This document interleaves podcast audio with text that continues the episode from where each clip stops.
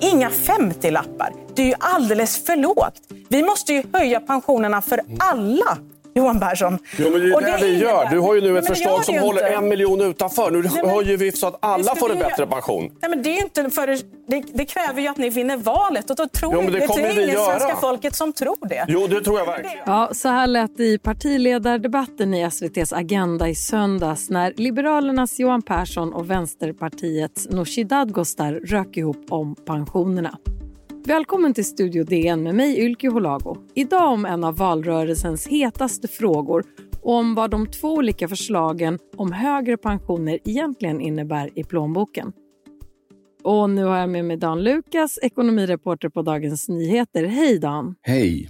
Ja, regeringens pensionslöfte som presenterades i vårbudgeten och som stöds av Vänsterpartiet och Miljöpartiet ställdes i Agendas partiledardebatt mot ett helt färskt löfte från Moderaterna, Kristdemokraterna, Liberalerna och Sverigedemokraterna. Kan vi börja med att reda ut vad handlar de här två förslagen om? Ja, de handlar om att eh, höja pensionen för eh, ganska många pensionärer faktiskt. Eh, men med betoning på de som har eh, den sämsta ekonomin. Mm, Och vad går förslagen ut på? Hur är de utformade?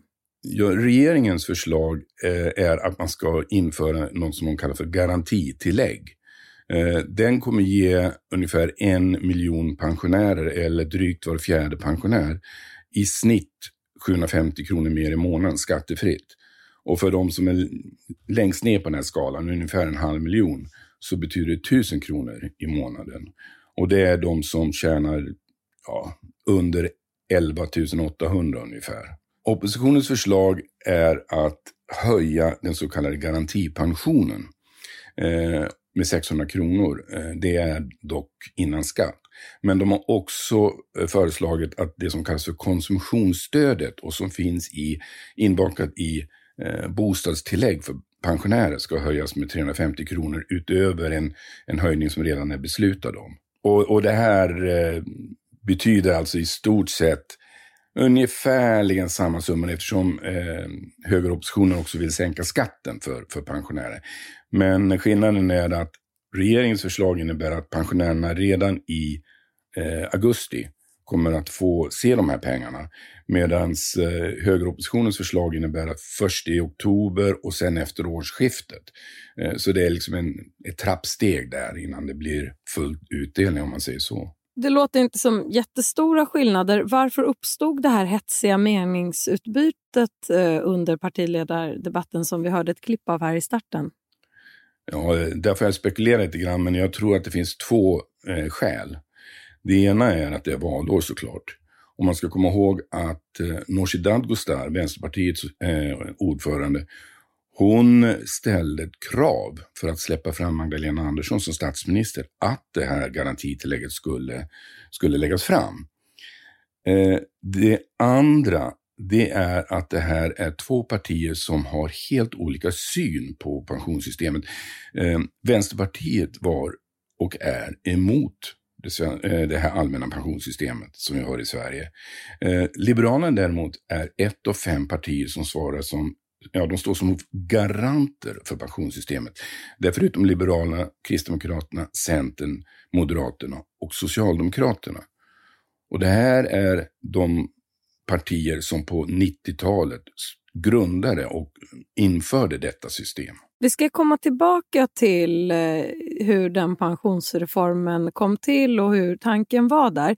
Men precis innan vi eh, gick in för att spela in det här avsnittet, eh, tisdag runt lunch, så kom det en öppning för ett tredje förslag. Vad handlade det om? Ja, det är ju det att eh, Centern har en nyckelroll här. Eh, de är vågmästare helt enkelt. Eh, om de lägger ner sina röster, då kommer högeroppositionens förslag att vinna gehör. Röstar de däremot på regeringen så är det det förslaget som går igenom. Um, uppenbarligen tycker inte Annie Lööf att det är så kul att vara vågmästare just på den här frågan. Uh, så hon har precis idag sagt att hon vill gärna att regeringen det vill säga socialförsäkringsminister Ardalan Shekarabi, återkommer till förhandlingsbordet och ser om det går att sy ihop ett tredje förslag. Jag tolkar det som att hon vill att det ska skapas en kompromiss som alla kan ställa sig bakom. Och vad kommer hennes krav att vara för att få till en sån kompromiss? Ja, jag tror inte hon kan ställa särskilt mycket krav annat än att de kan säga att om inte vi får igenom det här så vi kommer rösta på vårt budgetförslag. Det kommer falla eftersom det står ensamt. Då är det ju en stor risk, om man ser det från regeringens sida, att de faktiskt, centerpartisterna, lägger ner sina röster. Och då är det ju oppositionen som vinner. Du har ju nämnt här att eh, de här eh, två förslagen från eh, regeringen med stödpartier och eh, den, de borgerliga samarbetspartierna eh, riktar in sig på de eh, pensionärer som får ut minst i pension. Om vi tittar på de som kanske är i 30-årsåldern och har några decennier kvar till pension, hur påverkas de av de här förslagen? Jag skulle säga att de påverkas inte alls. Det är alldeles för lång tid kvar. Eh, men man kan säga så här att om nu eh, pensionen blir en återkommande fråga i, i val, eh, då eh, vet vi inte alls vad vi har för pensionssystem eh, om, om tio år, än mindre om 30. Om vi tittar lite närmare på regeringens förslag. Du skriver i eh, DN att regeringens förslag bryter mot pensionssystemets principer. På vilket sätt då?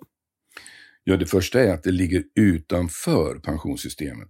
När systemet grundades på 1990-talet så skulle det vara autonomt. Det skulle vara oberoende av statsmakten.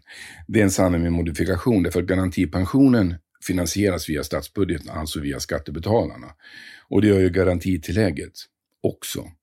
Eh, men det är alltså, man lägger till ytterligare en kloss i pensionssystemet som är vid sidan av själva grunden i pensionssystemet. Och det gör att systemet blir mindre tolkningsbart för vanliga människor. Hur ska man förstå sig på det? Och det är inte första gången vi hade här om året något som heter inkomsttillägg, vilket också bröt mot de här principerna. Det andra är att eh, garantitillägg, inkomsttillägg och även i viss mån garantipensionen, det minskar vad som kallas för respektavståndet. Skillnaden i pension för den som har jobbat länge men med låg inkomst och den som har jobbat kort eller inte alls.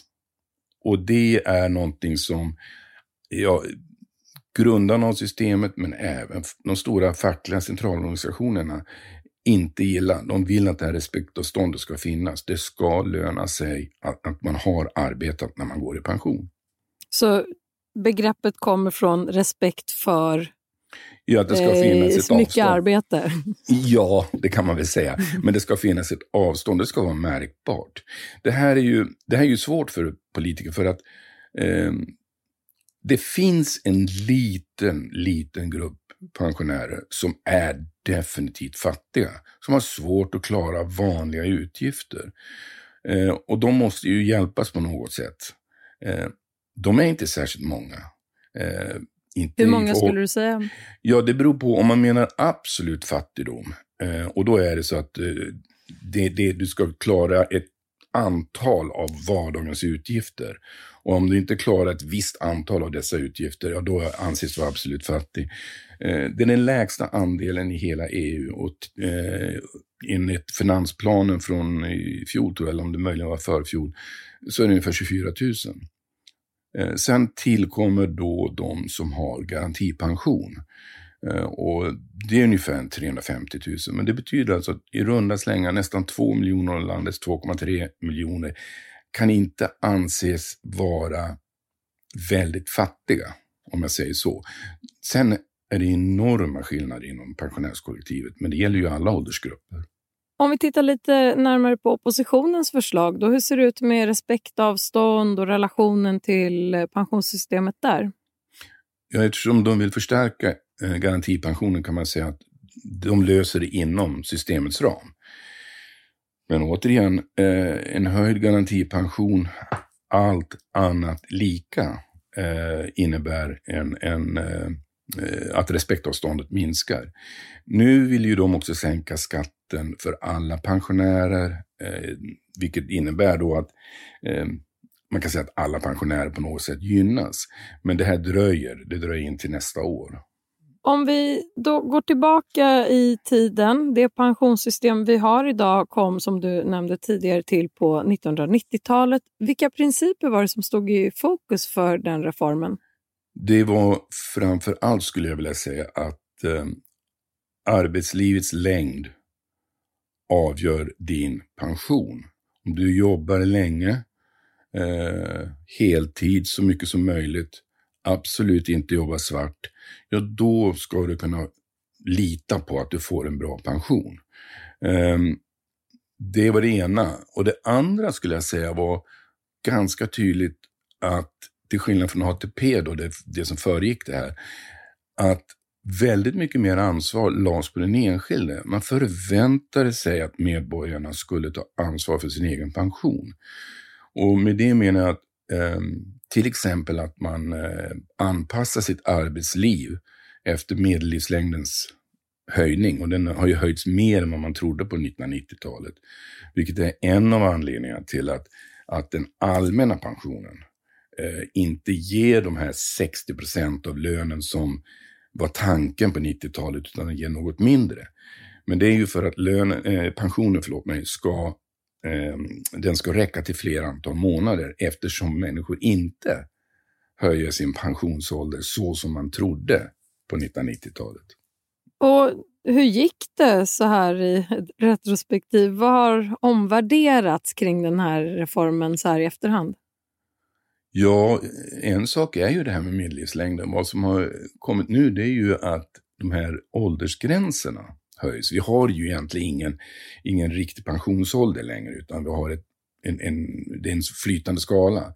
Men till exempel att åldern för att ta ut pension, allmän pension, nu talar vi om den och inte tjänstepensionen, eh, den har höjts från 61 till 62 och kommer höjas till 63.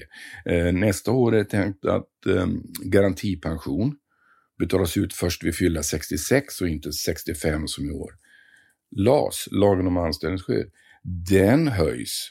Eh, den har höjts i omgångar eh, till eh, 67, gäller till 67 års ålder, sen till 68 och tanken är att den ska höjas till 69. Förlåt, hur applicerar LAS på Eh, på de här åldersgrupperna du pratar om? Det är en morot. Det är att säga liksom att arbetsgivaren kan inte sparka dig för att du har fyllt 66. Eller 67, eller 68, beroende på vilken gräns vi pratar om. Och det är en morot för att få människor att vara kvar i arbetslivet längre, kan man säga. På den tiden, på 90-talet, så fanns det en enighet om att just pensionssystemet inte lämpade sig som valfläsk eller partipolitiska strider. Varför var det så viktigt?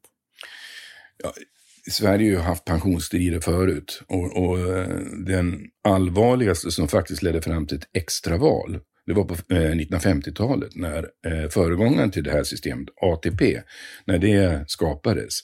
Ehm, det var, det, var en väldigt bitter strid. Den, den delade partier. Och ehm, det kom då i i och med att ATP hade blivit en, en, en koloss på lerfötter, när systemet höll på att faktiskt eh, riskera att kollapsa. Och i och med att Sverige gick in i en, en svår finansiell kris i början på 1990-talet så fanns en möjlighet att man började se över vad ska vi göra? Jo, vi måste göra ett system som håller för generation efter generation efter generation. Och då kan vi inte gå in och peta i det för mycket. Det var tanken och därför skapades också den här pensionsgruppen eh, som består av ledamöter från de här fem partierna som har stått bakom pensionssystemet. Den gruppen har då blivit, kan man säga, omsprungen, jag vill inte säga överkörd, men omsprungen av eh, politiker som har tagit initiativ och det har varit väldigt tydligt under den här mandatperioden att, att eh, regeringen har gjort det. Eh, jag tror i och för sig när det gäller garantitillägget så kände de sig nog illa tvungna, för annars hade inte Magdalena Andersson blivit statsminister. Och hur brukar de medlemmarna i pensionsgruppen reagera när de blir omsprungna som du beskriver det? Ja, det beror ju på vem som springer om dem. Men, men man kan ju säga att eh, många eh, tar, är, är, lite sura. Jag tror att det finns en, en uh, irritation hos framförallt de borgerliga visavi uh, eh, Ardalan Shekarabi som har varit väldigt aktiv uh, i, i den här frågorna i, i ett par års tid nu. och han har lagt fram initiativ utan att förankra det i gruppen och sådana saker. Det, förankringsprocessen har fått komma i efterhand. Och jag noterar att eh, Annie Lööf nu i sin vädjan till Shekarabi säger liksom att vi, vi måste komma tillbaka till en ordning där allting diskuteras i pensionsgruppen först och där vi förankrar alla större förändringar av pensionssystemet så att det håller. Vi får se om det händer. Avslutningsvis är det ju många politiker som sträcker ut händer till pensionärer. Som du har sagt här, det är en gammal fråga och det rör Sveriges 2,3 miljoner pensionärer. Hur stor kan frågan komma att bli i valrörelsen här framöver tror du? Ja, jag tror att det avgörande blir väl vad som händer i omröstningen i riksdagen i juni. Ehm, men eh, det även Ardalan Shekarabi har, jag tycker mig ana att han faktiskt vill gärna se någon slags förhandling ändå. Eh, han, han kan tänka sig till exempel det här nya garantitillägget, att man flyttar in det i garantipensionen. Det är ju ett sätt att säga, okej, okay, vi kanske kan komma överens om någonting inom ramen för systemet. Eh, och vi får se. Alltså han räknar ju också riksdagens mandat. Jag menar, regeringen har i dagsläget inte tillräckligt många mandat i riksdagen för att kunna få igenom det här förslaget. Tack så mycket för att du var med oss eh, i Studio DN idag. Dan Lukas, ekonomireporter på Dagens Nyheter. Tack så mycket. Om du vill kontakta oss så går det bra att mejla till studiodn Och kom ihåg att prenumerera på Studio DN där du lyssnar på poddar så missar du inga avsnitt. Studio DN görs för Podplay av producent Sabina Marmulakai, ljudtekniker Patrik Miesenberger, teknik Oliver Bergman på Bauer Media och jag heter Ylky Holago.